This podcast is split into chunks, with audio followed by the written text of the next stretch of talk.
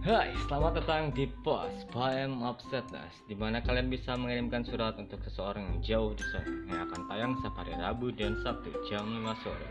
Papos, papos.